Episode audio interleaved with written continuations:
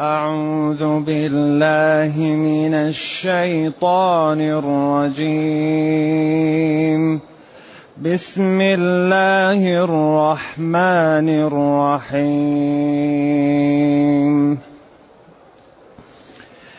نون والقلم وما يسطرون.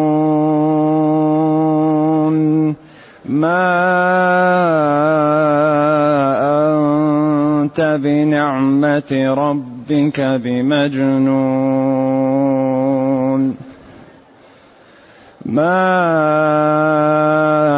أنت بنعمة ربك بمجنون وإن لك لأجرا غير ممنون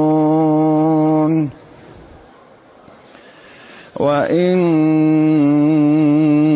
ل... وإن لك لأجرا غير ممنون. وإنك لعلى خلق. وإنك لعلى خلق عظيم. فستبصر ويبصرون بأيكم المفتون. إن ربك هو أعلم بمن ضل عن سبيله وهو أعلم بالمهتدين. فلا تطع المكذبين. ودوا لو تدهن فيدهنون.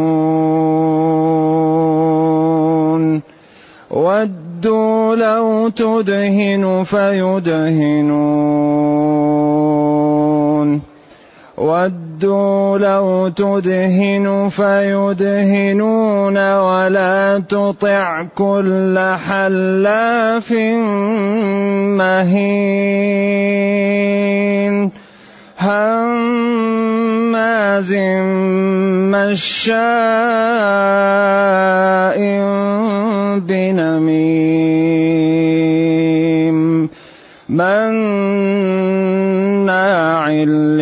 للخير معتد أثيم.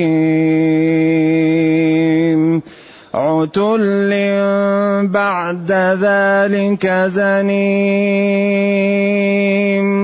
أن كان ذا مال وبنين. إذا تتلى عليه آياتنا إذا تتلى عليه آياتنا قال أساطير الأولين. سنسمه على الخرطوم. الحمد لله الذي أنزل إلينا أشمل كتاب وأرسل إلينا أفضل الرسل وجعلنا خير أمة أخرجت للناس فله الحمد وله الشكر على هذه النعم العظيمة والآلاء الجسيمة. والصلاة والسلام على خير خلق الله وعلى آله وأصحابه ومن اهتدى بهداه. أما بعد فإن هذه السورة من السور المكية باتفاق سورة نون والقلم. وقد اختلف في نون إلى أربعة أقوال. فقول إنها الحوت السمك الكبير النون. ووردت بذلك آثار وأحاديث لا تصح. وأنه على الأرض قائمة عليه أن الأراضين على هذا النون الحوت وهذا أمر لا يصح. إسرائيليات. القول الثاني أن نون حرف من حروف اسم الله الرحمن. وهذا لا يصح. القول الثالث أنه قسم أقسم الله به.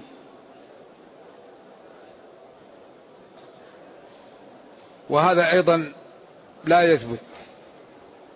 القول الرابع أنه حرف أنه حرف من حروف المقطعة التي تبدأ بها السور. كما سبق في صاد وقاف. وهذا هو أسعد بالدليل. وسبق أن قلنا إن العلماء اختلفوا في هذه الحروف إلى قولين. قول إنها من المتشابه. ولا يعلم معناها إلا الله. ولذلك بعض المفسرين يقول مثلا ألف لام ميم الله أعلم بمراده بها. القول الثاني أنها ليست من المتشابه. واختلفوا إلى قرابة ثلاثين قولا. وقد ذكر كبير المفسرين في أول سورة البقرة عشرة أقوال وقال إنها كلها صحيحة. وذكر الوالد رحمة الله علينا وعليه وعلى جميع العلماء في أول سورة صاد أن التحقيق فيها أنها جاءت لبيان عجز العرب عن أن يأتوا بمثل القرآن للتحدي. ودل على ذلك باستقراء القرآن وأنها كلما جاءت جاء التنويه بعدها بالقرآن في أغلب هذه الحروف. ألف لام ميم ذلك الكتاب. ألف لام ميم تنزيل الكتاب. ألف لام را كتاب أنزلناه إليك. طاسين تلك آيات القرآن طاسين ميم تلك آيات الكتاب. قاف والقرآن صاد والقرآن. حميم تنزيل الكتاب. فكل ما جاءت هذه الحروف جاء التنويه بعدها بالقرآن. وكأن الله تعالى يقول لقريش وهم أصحاب فصاحة وبلاغة. ووصلوا في ذلك إلى مرتبة لم يصلها غيرهم. أنا أنزلت على نبيي كتابا يتلى من جنس كلامكم ومن جنس الجمل والحروف والمعاني التي تؤلفون منها كلامكم. وإن كنتم مكذبين بنبيي فهذا الكلام الذي أعطيته من جنس كلامكم فأتوا به. فإن عجزتم عن الإتيان به فاعلموا أن نبيي مرسل من عندي وأني أوعدت المكذب به النار فاتقوا النار. إذا هذا الذي يظهر. وهناك أقوال أخرى. كبير المفسرين بن جرير قال كلها صحيحة. منها أنها جاءت ليسمع الكفار. لأنهم قال لا تسمعوا لهذا القرآن والغوا فيه فجاءت الحروف المقطعة على طريقة لا يألفونها فيشدهم الشيء الجديد ليسمعوا فيجدوا قوارع القرآن. نعم. وعلى أنها جاءت للتحدي لم يقصد بها معاني وإنما قصد بها الإشارة إلى جنس كلامهم. ألف لام ميم. ألف حرف حلق. واللام حرف من اللسان والميم حرف من الشفتين وكل الحروف إما من اللسان أو الحلق أو الشفتين. فهذا الكتاب مكون من هذه المخارج وأنتم أصحاب فصاحة وبلاغة فأتوا بمثله. فإن عجزتم فهذا دليل على صدق نبيي وأنه مرسل من عند الله. والدليل القوي على هذا الاستقراء استقراء القرآن. إذا نون والقلم وما يسطرون. هل القلم المقصود به القلم الذي أمره الله أن يكتب ما هو كائن إلى قيام الساعة؟ كتب ما كتب في اللوح المحفوظ؟ أو القلم الذي علم به خلقه ليتعلموا ويعلموا الواجب فيمتثلوه والحرام فيجتنبوه؟ وأكبر نعمة على الخلق هو التعلم. فيكون إشارة إلى ما أنزله من الوحي وما علمه لخلقه من العلم الذي به يستنيرون ويميزون النافع من الضار والخير من الشر ويعلمون الواجب عليهم والحرام عليهم فيسعدون في دنياهم ويرحمون في أخراهم. اذا هذا القلم نون والقلم وما يسطرون وما يكتبون سطره يسطره إذا كتبه. ما أنت بنعمة ربك بمجنون.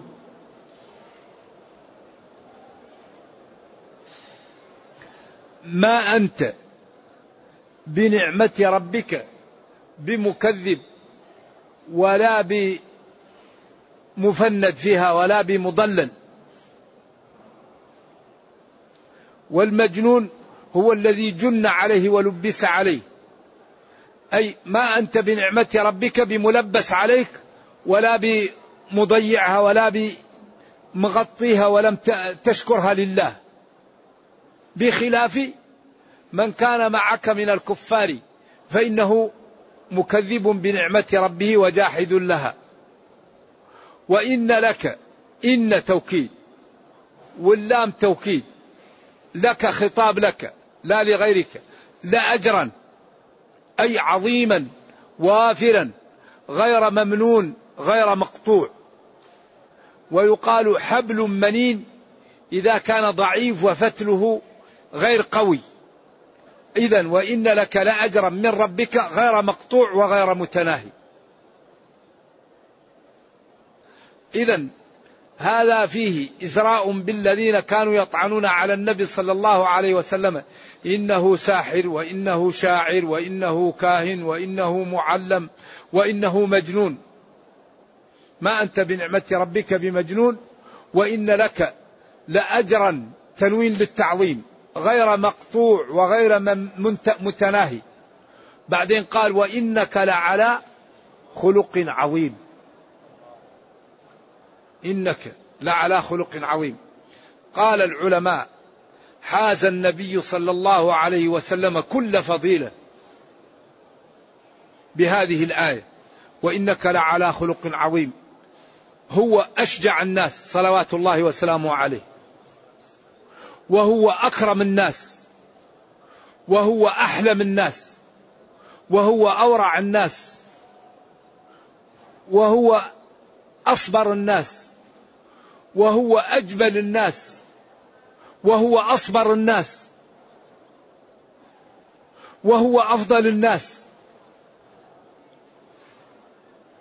لذلك لو عدتم إلى التسهيل في علوم التنزيل لابن جزي الكلب الغرناطي صاحب القوانين الفقهية وصاحب التقريب ذكر له صلوات الله وسلامه عليه عند هذه الآية سبعا وعشرين صفة.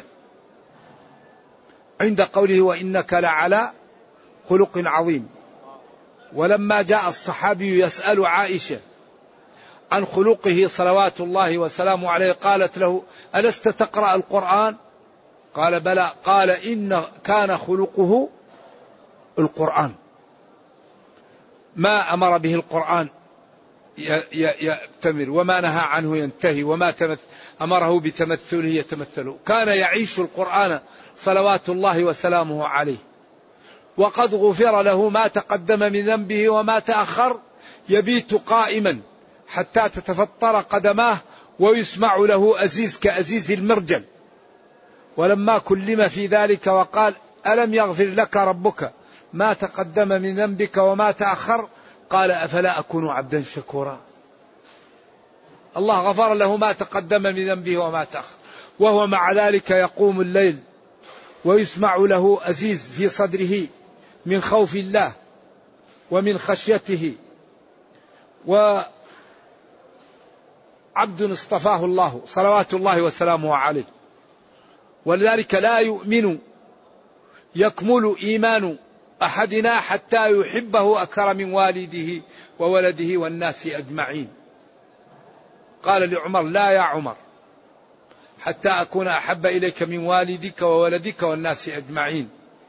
وقال فاتبعوني يحببكم الله. وأمر أن طاعته طاعة لله، من يطيع الرسول صلى الله عليه وسلم فقد أطاع الله. لكن مع ذلك ينبغي أن لا نعطيه حق الله. مع ما أعطاه الله من المكانة لا نعطي حق الله. لا نقول إن الرسول صلى الله عليه وسلم يعلم الغيب. لأنه كان يقول يا عائشة إن كنت ألممت بسوء فتوبي إلى الله. حتى أنزل الله أولئك أولئك مبرؤون. فالرسل لا يعلمون الغيب. قل لا يعلم من في السماوات والأرض الغيب؟ إلا الله. لا نقول إن الرسول يستطيع أن يجيب المضطر. الذي يجيب المضطر من؟ الله. أما الذين يدعون غير الله هذه مشكلة. الله قال من خلق السماوات والأرض. وبعدين قال أمن. في النهاية قال أمن يجيب وش؟ المضطر. وقال بعد نهاية المقطع قليلا ما تذكرون. قليلا ما تستعملون عقولكم فتتذكرون وتعلمون أن إجابة المضطر وخلق الجبال حق خالص لله لا يشاركه فيه غيره. لذلك هذه الأمور التي ذكرت بعد إجابة المضطر يسألها الخلق من الخلق. أمن يجيب المضطر إذا دعاه ويكشف السوء ويجعلكم خلفاء الأرض. هذه الثلاثة يطلبها الناس من بعض. يذهب للأولياء في القبور الذين يظنون أنهم أولياء ويقول له أنا مضطر. أنا أريد وظيفة أنا أريد أولاد. بعدين قال قليلا ما تذكرون. حيث تجعلون الله خلق الجبال وتقول غير الله يجيب الاضطرار والكل حق خالص لله. هذا إعجاز قرآني واضح لا لبس فيه. فذلك ينبغي لنا أن نجتهد على من يدعو غير الله لأن هذا لا يجوز وضلال. والله قال وقال ربكم ادعوني أستجب لكم. ما قال وقال ربكم اتخذوا لي الوسائط. وقال أمن يجيب المضطر إذا دعاه. وقال أجيب دعوة الداعي إذا دعان فليستجيبوا لي. يمتثلوا أمري ويجتنبوا نهي لعلهم بذلك يرشدون في دنياهم وأخراهم.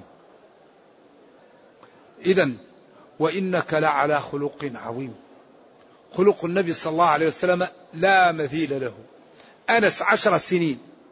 قال ما ضربني. ما ضرب إلا في سبيل الله. إلا في, في الجهاد. ما ضرب زوجا. ما ضرب ابنا. ما ضرب خادما. ما ضرب أحد. الحسن كان عنده تمرة من, من, من, من طعام الصدقة. قال له كخ كخ. إنها من الصدقة. لا تحل لك. لا تحل لنا. وأنس أرسله فوجده مع الصبيان يلعبون فأخذ برقبته وتبسم وقال يا أنيس لم تأخرت عني؟ ما ضرب أحدا. لذلك ينبغي لنا, لنا في رسول الله إيش؟ ما قال هذا خاص به. لقد كان لكم في رسول الله أسوة حسنة. الضرب يجوز في نطاق ضيق لأجل الإصلاح. لا يضرب المسلم من له ولاية عليه وهو غضبان. هذا انتقام. الذي يؤدي يريد يؤدي من هو عليه له ولاية يؤدبه وهو غير غضبان. إذا كان غضبان هذا انتقام. ما هو ما هو تأديب. يترك التأديب حتى يزول الغضب فيدعوه. ولا يضرب ضرب مبرح. لا يجوز. ولا يضرب الوجه. ولا يضرب إلا في أضيق نطاق. الضرب مضر. لو كان الضرب ينفع لكان النبي صلى الله عليه وسلم يضرب. ما ضرب. بعض الناس إذا دخل بيت. كل أهل البيت يقول ويلكم جاءكم كأن دخل البيت أسد أو حية أو ثعبان. هذا لا يجوز للمسلم. المسلم إذا دخل بيته يدخل النور والسرور لأهل البيت ويكون مدعاه للانشراح. ولو كنت فظا غليظ القلب لانفضوا من حولك. أنت ربي أهل بيتك بالخلق الطيب بالإكرام. جبلت النفوس على حب إيش؟ من أحسن إليها؟ أحسن إلى أهلك وأولادك ومن تحت يدك يحبونك ويطيعونك. أما يعني تحاول أن تضرب الناس وتؤذيها هذا لا ينبغي ولا ينفع. لذلك نهى عن الضرب للصبيان حتى يصل الواحد كم؟ عشر سنين. ما في شيء في الدنيا أهم من الصلاة. مروا أبناءكم للصلاة وهم أبناء سبع. واضربوهم عليها وهم أبناء عشر. إذا لا ينبغي أن يضرب الطفل قبل عشر سنوات. لأنه لو كان ينبغي أن يضرب يضرب على الصلاة لأن هي أهم شيء. لكن إذا كان ولا بد نؤدبه برفق ونحاول أن يكون تأديبه بغير الضرب. المنع من الخروج المنع من بعض اللعب. أما الضرب لا ينبغي. سبب قد يقتل قد تضرب واحد ويموت. فكم من واحد أعوذ بالله يضرب ولده ويقتله؟ كيف تكون الكارثة؟ وبعدين التأديب ينفع ما أدري ثلاثة إلى سبعة في المئة. أما إذا إذا ثارت الغريزة خلاص. ثارت الغريزة الذي خلق الله عليها العبد. كم من واحد حفظ ولده القرآن وتعب عليه فلما بلغ ضيع القرآن وضاع. وكم من واحد ضيعه أهله وهو صغير فلما بلغ حفظ القرآن وحفظ المتون والعلوم وأصبح من العلماء الراسخين لكن نحن مطالبون بالأسباب لكن الذي سيسير ما كتب له إيش؟ الملك شقي أو سعيد، لكن نحن مطالبون بإيش؟ بالأسباب وقال اعملوا فكل ميسر لما خلق له. وإنك يا نبي لعلى خلق عظيم. لذلك لا ينتقم لنفسه لما جاءه الأعرابي وجر ثوبه حتى أثر في عنقه ضحك وأعطاه. قالوا لا تعطيني من مالك ولا من مال أبيك. أعطاه الثاني قال أن كان ابن عمتك لما قال له اسقي يا زبير ثم اطلق الماء لجارك فقال له أن كان ابن عمتك قال له اسقي يا زبير اسقي يا زبير ثم أمسك الماء حتى يبلغ الجدر ثم اغسله لي ولما قال الثالث قسمة ما أريد بها وجه الله. ويحق قال ومن يعدل؟ ما قال اضربوه ولا اسجنوه. لا ينتقم لنفسه. صلى الله عليه وسلم. وما خالطه شخص إلا أحبه لما جبله الله عليه من حسن الخلق. ولا يباشر أحدا بما يكره. إذا أراد ما بال أقوام قالوا ما بال أقوام فعلوا. فإني أنام وأصلي وأصوم وأفطر وأتزوج النساء. فمن رغب عن سنتي والله إني أتقاكم لله وأعلمكم به. فلا ترغبوا عن سنتي. صلوات الله وسلامه عليه. لذلك وأكثر ما يدخل العبد الجنة حسن الخلق. ينال به الرجل درجة الصديقين. وحسن الخلق هو أن تبذل المعروف للناس وتكف شرك عنهم وتلقاهم بوجه طلق أو طليق. بذل المعروف وكف الأذى وطلاقة الوجه. هذا هو حسن الخلق. يتكون من ثلاث جمل. أن تبذل المعروف لإخوانك وأن تكف شرك عنهم وأن تلقاهم بالتبسم والبشاشة. هذا هو حسن الخلق. وقد يكون الإنسان عمله قليل ولكن له حسن خلق في فينال بهذا الخلق درجة الصائم القائم الصديق. لذلك لا يوجد شيء أضر للإنسان من من سوء الخلق. ولذلك ولا ينال العلا إيش؟ من طبعه الغضب. الإنسان اللي سيء الخلق وكثير الحدة لا ينال العلا. إنما ينال العلا من كان صاحب حلم وحكمة وتغاضي عن إخوانه. ولذلك السيادة والرفعة لا بد فيها من اثنتين حمل المشقة واحتمال أذى الورى ليس المشمر للعلا كالقاعد. قل للذي طلب العلا بسواهما. هيهات تضرب في حديد بارد. السيادة مشقة. لولا صعوبتها لساد الأرذل. ما كل من طلب السيادة نالها ما نالها إلا الكريم المفضل.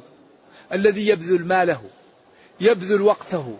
يبذل جاهه يتغاضى عن عرضه لإخوانه وجيرانه. لا يهمه من تكلم عليه يهمه أن يطعم الفقير أن يعالج المريض أن ينفق على الأرملة أن يصلح ذات البين. أما من تكلم عليه لا يهمه. لذلك من أعطاه الله السيادة لا يهم في نفسه. ولكن من يريد هو تجده دائما ناس يركبون الدين وناس يركبهم الدين. الذي يركبه الدين ما يهم في نفسه. المهم أن يكثر المصلون والمتقون ويكثر الخير من عنده أو من عند غيره. والذي يريد أن يركب الدين تجده دائما كلامه مليء بالضمائر المرفوعة المتصلة والمنفصلة. قمت وأنا ونحن وجلست. ولا يريد أن يقع شيء إلا وهو. طيب أنت تريد الدين أو تريد نفسك؟ وأنا ونحن. الذي يريد الدين ما عنده مشكلة مع أحد.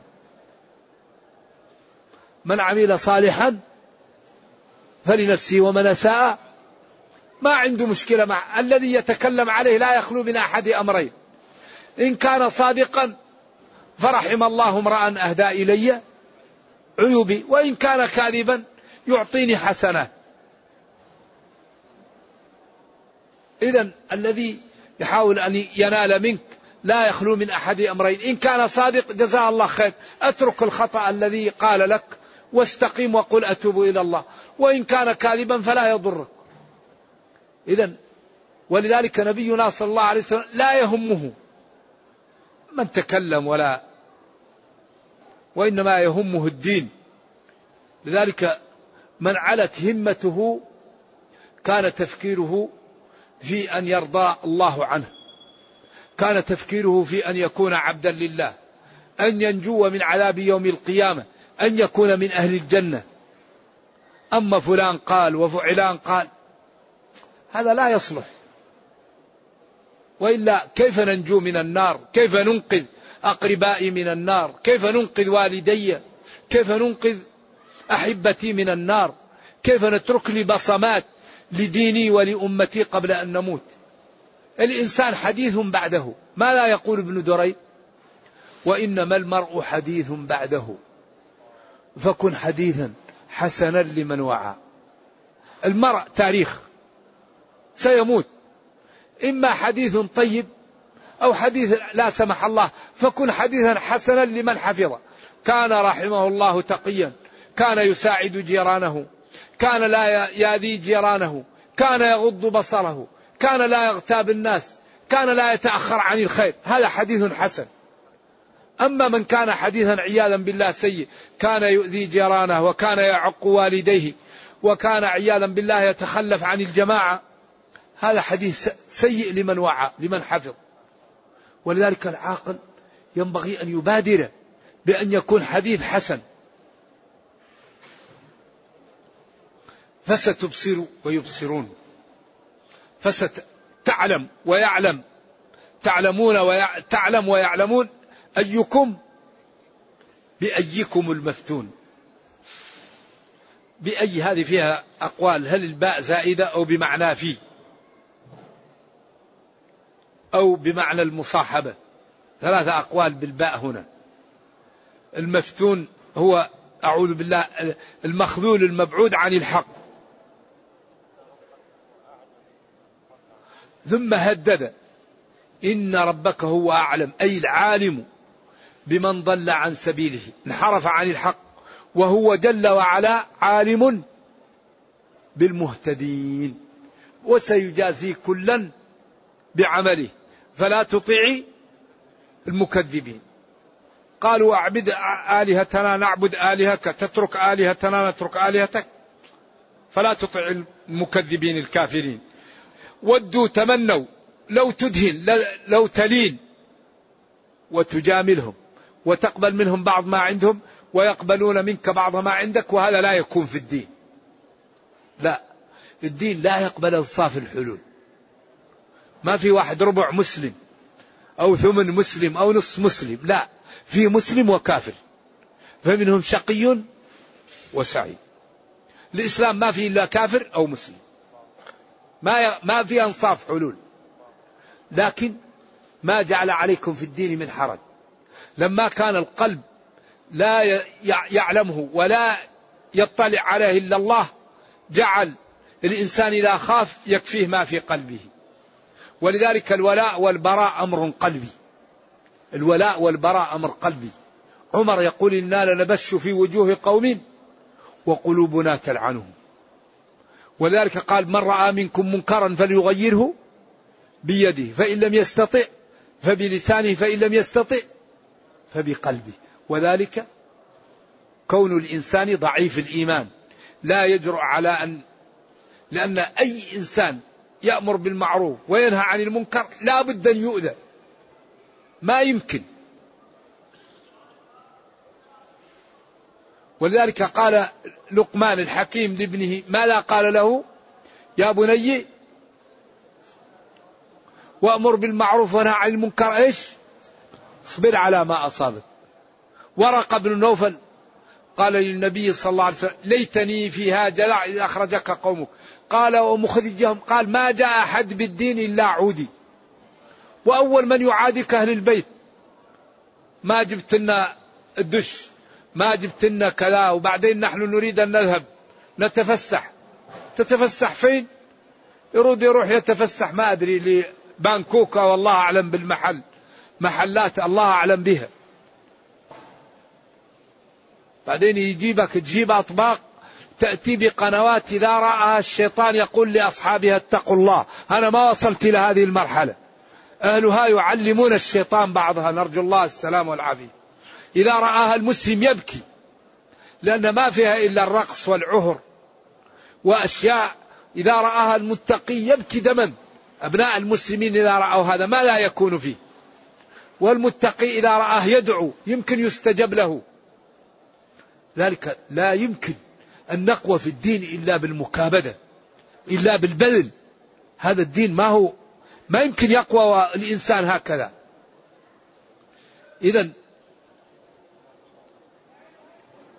يحاول يعني أهلنا دائما أن يجرونا لماذا؟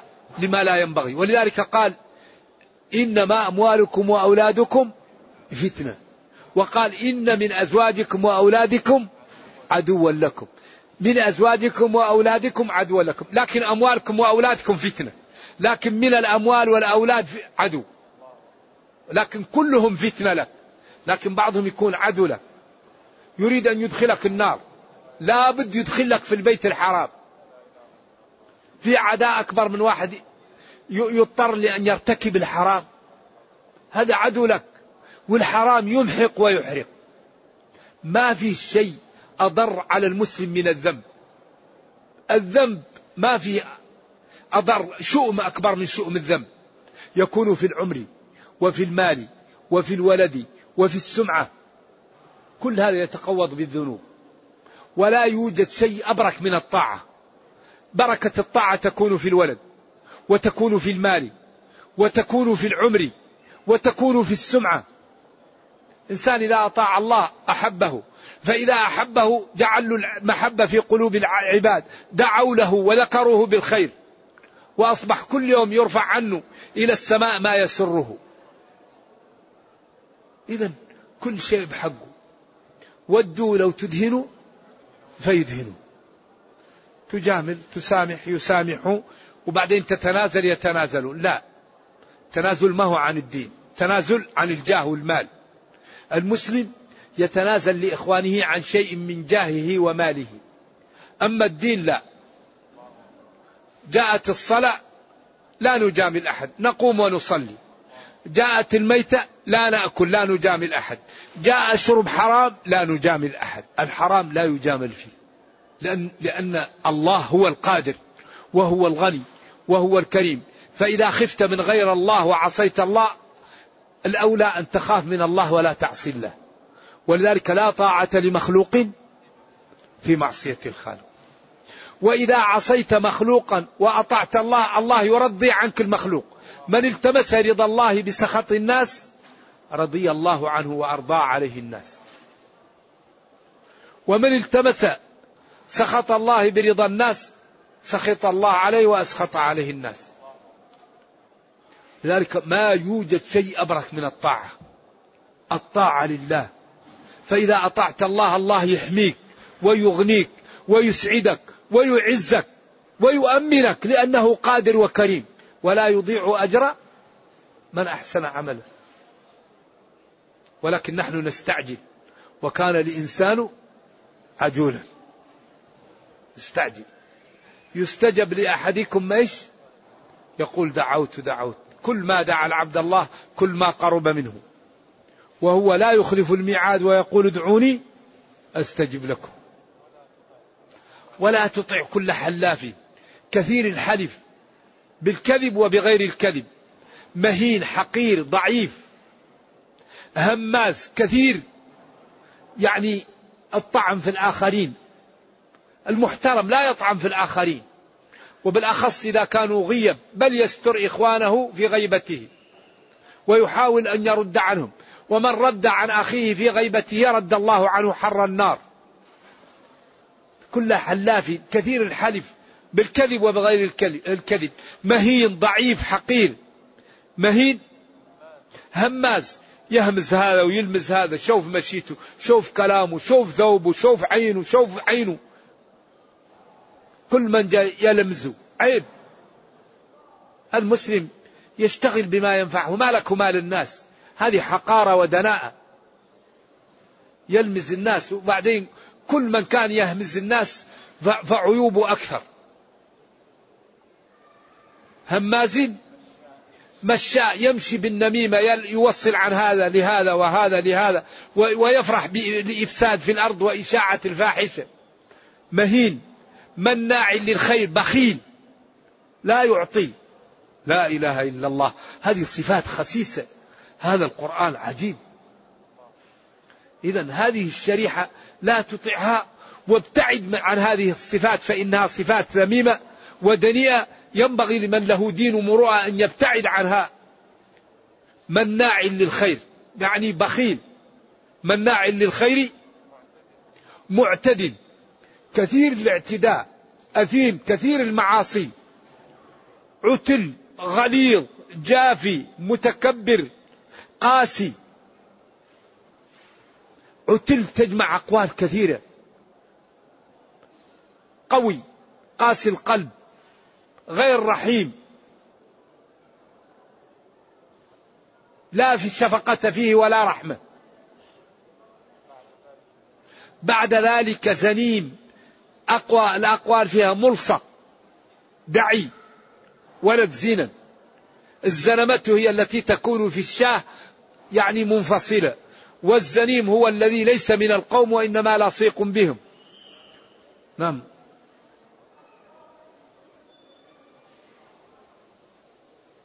أي هو داعي ليس له أب عياذا بالله زنين ملصق من القوم وليس منهم. إذا هذا كل الصفات الذميمة. هم عتل ولا تطع حلاف بالكذب مهين حقير ضعيف هماز كثير الغيبة للناس يمشي بين الناس بالنميمة والإفساد. عتل غليظ قاسي القلب لا رحمة فيه ولا شفقة. زنيم ملصق بالقوم أثيم كثير الذنوب. أيوة بخيل.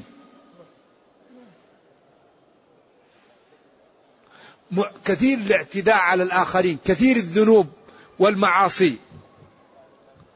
أن كان ذا مال أن كان ذا مال فيها قولان. القول الأول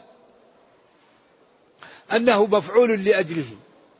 حصل منه هذا لأنه كان ذا مال وبنين بدل من أن يشكر الله.